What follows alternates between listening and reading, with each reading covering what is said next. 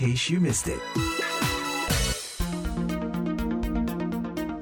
Bertemu lagi dengan saya Madioni dalam In Case You Missed It, VOA Washington DC. Pelantikan Presiden Amerika Joe Biden 20 Januari lalu menarik perhatian seluruh dunia pada politik Amerika dan juga penampilan para politisinya. Busana yang mereka kenakan dan pesan-pesan di balik penampilan mereka juga dicermati industri busana internasional bahkan menjadi sebuah gerakan massa. Kita akan berbincang-bincang dengan perancang busana terkenal Indonesia yang baru-baru ini meluncurkan buku kisah kebaya, Didit Maulana, mengenai busana dalam politik di Amerika dan Indonesia. Menurut Mas Didit, apa yang paling menarik dari peristiwa pelantikan Presiden Amerika baru-baru ini dari segi industri busana? Oke, jadi uh, kalau melihat dari peran seorang politikus dalam apa pun yang diucapkan, apa pun yang dipakai, ya itu memang adalah sebuah statement, ya. Dan kalau saya lihat ini ketika presiden dan wakil presiden terpilih beserta uh, apa namanya uh, spousesnya ini mereka memberikan satu statement untuk mensupport fashion lokal Amerika ya. Dari uh, di mana kita bisa melihat dari brand yang dipilih adalah brand lokal Amerika, kemudian mereka juga memikirkan dari segi warna.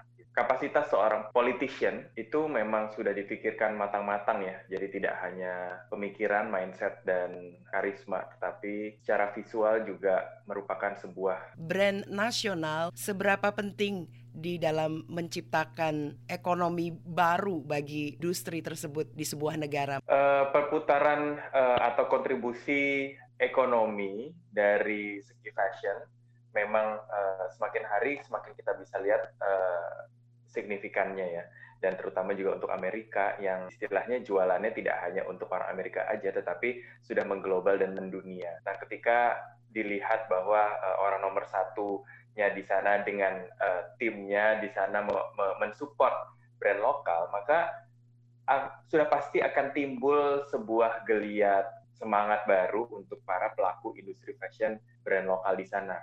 Nah dari Mas Didit sendiri, momen yang mana dari segi fashion, dari segi industri fashion yang paling menarik dari pelantikan uh, Presiden Amerika yang ke-46 baru-baru ini? Yang pasti adalah ketika inaugurasinya ya, dan uh, di situ karena kita bisa melihat bagaimana beragamnya. Kalau kita lihat dari segi brand, waktu itu ada brand yang sudah sudah established dengan brand baru ya. Kemudian dari segi warna, bagaimana pro, apa, uh, Presiden Joe Biden memakai warna biru untuk statementnya, karena biru itu kan melambangkan uh, ketenangan, kestabilan, uh, kedewasaan, kebijaksanaan, gitu ya.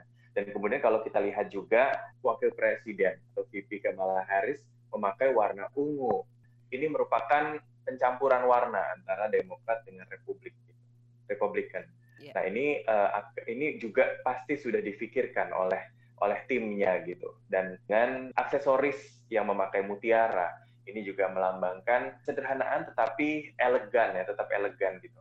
Nah kalau menurut saya sih kenapa momen ini juga sangat spesial juga karena kita juga melihat keberagaman karena tidak semuanya brand lokal Amerika tetapi pihak keluarga seperti anak dan juga ada uh, apa namanya beberapa penampil hari itu memakai brand dari uh, berbagai brand ya di luar brand Amerika gitu. Ini juga melambangkan bahwa Amerika sangat terbuka dengan uh, pasar internasional. Sebagai salah satu negara terbesar di dunia, sudah pasti akan memberikan pengaruh terhadap uh, iklim ekonomi dunia, terutama untuk fashion kalau kita bicara di sini gitu. Menarik sekali Mas Didit. Tadi Mas Didit menyinggung soal warna, penggunaan warna. Tadi saya setuju sekali. Bagaimana Wakil Presiden Kamala Harris ini menggunakan uh, coat warna ungu yang ini merupakan sebetulnya dasar dari warna merah dan biru. Jadi lambang dari warna Partai Demokrat dan Partai Republik ini menggambarkan niat untuk unifikasi, untuk persatuan bagi Amerika warna ini juga pesan juga secara bukan hanya secara nasional ya Mas ya, tapi secara global juga. Bagaimana dengan pelantikan-pelantikan di Indonesia? Pelantikan presiden di Indonesia kurang lebih sama ya. Dalam arti kata adalah memakai brand lokal, brand Indonesia, kemudian para pasangan juga memakai busana nasional Indonesia, ada yang kebaya, ada baju kurung gitu. Dan e, beberapa perayaan HUT ulang tahun kemerdekaan, menteri dan presiden juga memakai baju daerah. Nah, ini melambangkan bahwa memang daerah-daerah atau budaya-budaya di Indonesia, keberagamannya itu juga dikumandangkan lewat bagaimana cara para politician memakai busananya gitu ya. Jadi memang eh, dan tidak melulu misalnya yang suku Jawa harus pakai dari Jawa tidak, tetapi kemarin sempat di mix juga dan mereka sempat apa ya, jadi embracing kebudayaan-kebudayaan dari berbagai daerah gitu ya, sehingga sebenarnya juga fashion statement untuk para politikus di Indonesia juga sangat menarik ya gitu. Apalagi uh, di Indonesia kita memiliki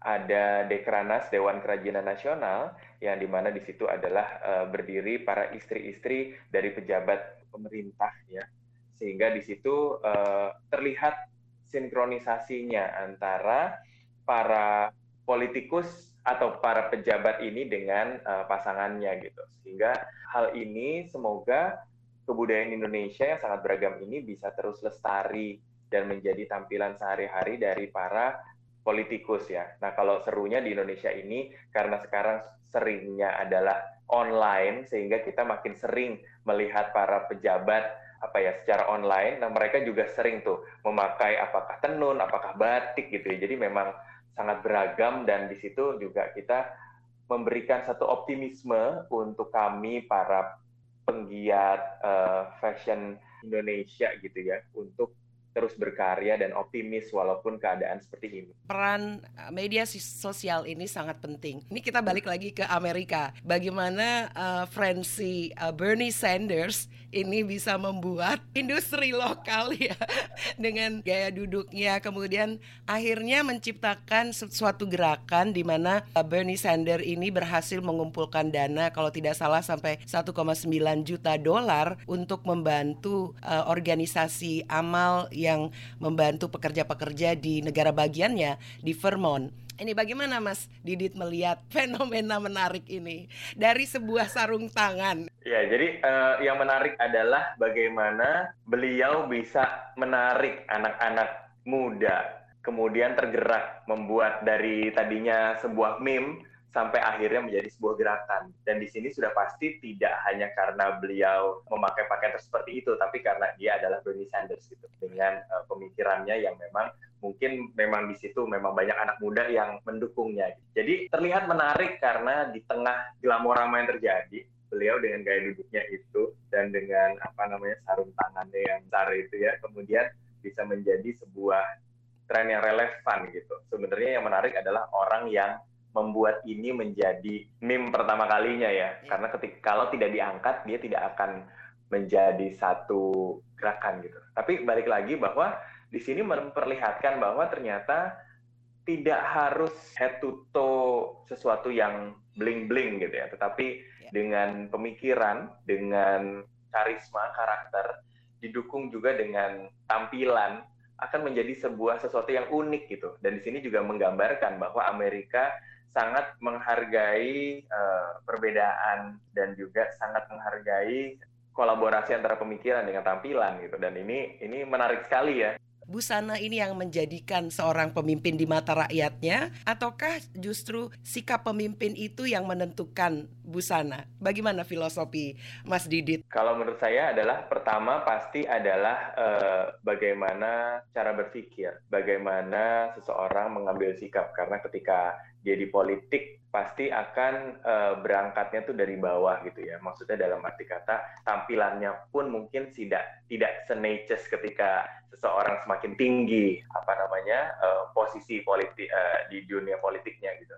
Tetapi dengan beranjaknya dia semakin tinggi dan semakin tinggi maka mungkin awalnya apa yang diucapkan menjadi sebuah statement, tetapi ketika dengan semakin besar maka sampai titik apa yang dia pakai menjadi sebuah statement gitu ya. Sehingga ini sudah pasti harus ada timnya tersendiri gitu. Biasanya sih mereka memiliki tim tersendiri untuk mengatur ya karena memang sudah menyadari bahwa apa yang dipakai, apa yang dikenakan itu memberikan sebuah statement tersendiri gitu. Sebenarnya sama juga dengan uh, Presiden Indonesia juga karena beberapa motif batiknya itu uh, di, dianggap mewakili perasaannya gitu. Dan kalau di Indonesia sebenarnya fashion sebagai sebuah uh, kendaraan politik ini sebenarnya sudah berlangsung dari sebelum zaman kemerdekaan ya, di mana jika seorang raja memakai motif batik atau motif busana atau kain dari daerahnya memberikan sebuah statement untuk dilihat oleh rakyatnya gitu. Jadi memang fashion memegang peran yang cukup besar ya uh, di di di dunia politik gitu sehingga tidak bisa dianggap main-main. Gitu. Tapi kalau mau dibilang duluan mana sudah pasti kalau menurut aku adalah duluan pemikirannya dulu gitu. karena dari pemikiran itulah yang membawa seseorang bisa menjadi besar sampai akhirnya fashion menjadi bagian yang tidak terlepas darinya. Iya, iya. Jadi uh, menurut pandangan Mas Didit, melek fashion ini penting bagi politisi. Banget ya. Jadi jangan sampai jangan sampai seorang politisi uh, salah pakai busana karena mungkin juga ada beberita tentang uh, apa uh, presiden Amerika terdahulu juga yang sebelumnya juga banyak diberitakan kurang sensitif ketika memilih brand fashion yang dikenakan gitu. Karena memang uh, fashion ini sesuatu yang terlihat ya orang pasti akan melihat oh dia pakai apa sih gitu dan akan curious gitu dan dari situ kemudian akan dibangun ceritanya gitu jadi memang udah aware bahwa apa yang dikenakan akan menjadi sebuah story tersendiri dan akan dibahas lewat perspektif yang lain gitu selain pandangan politik. Mas Didit baru saja merilis buku kisah kebaya. Kita tahu kebaya ini adalah busana nasional. Bagaimana Mas Didit melihat uh, perkembangan uh, busana kebaya ini secara nasional? Sangat menarik melihat perkembangan 10 tahun terakhir di Indonesia dengan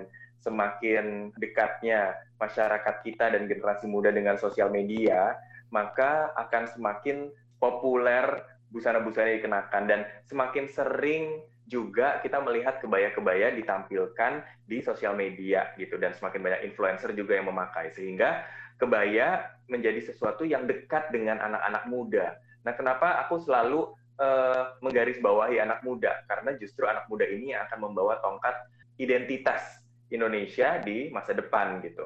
Dan waktu itu kenapa akhirnya bikin buku ini? Karena ingin merangkum eh, pengetahuan-pengetahuan yang pernah saya uh, ketahui dan saya pelajari tentang kebaya.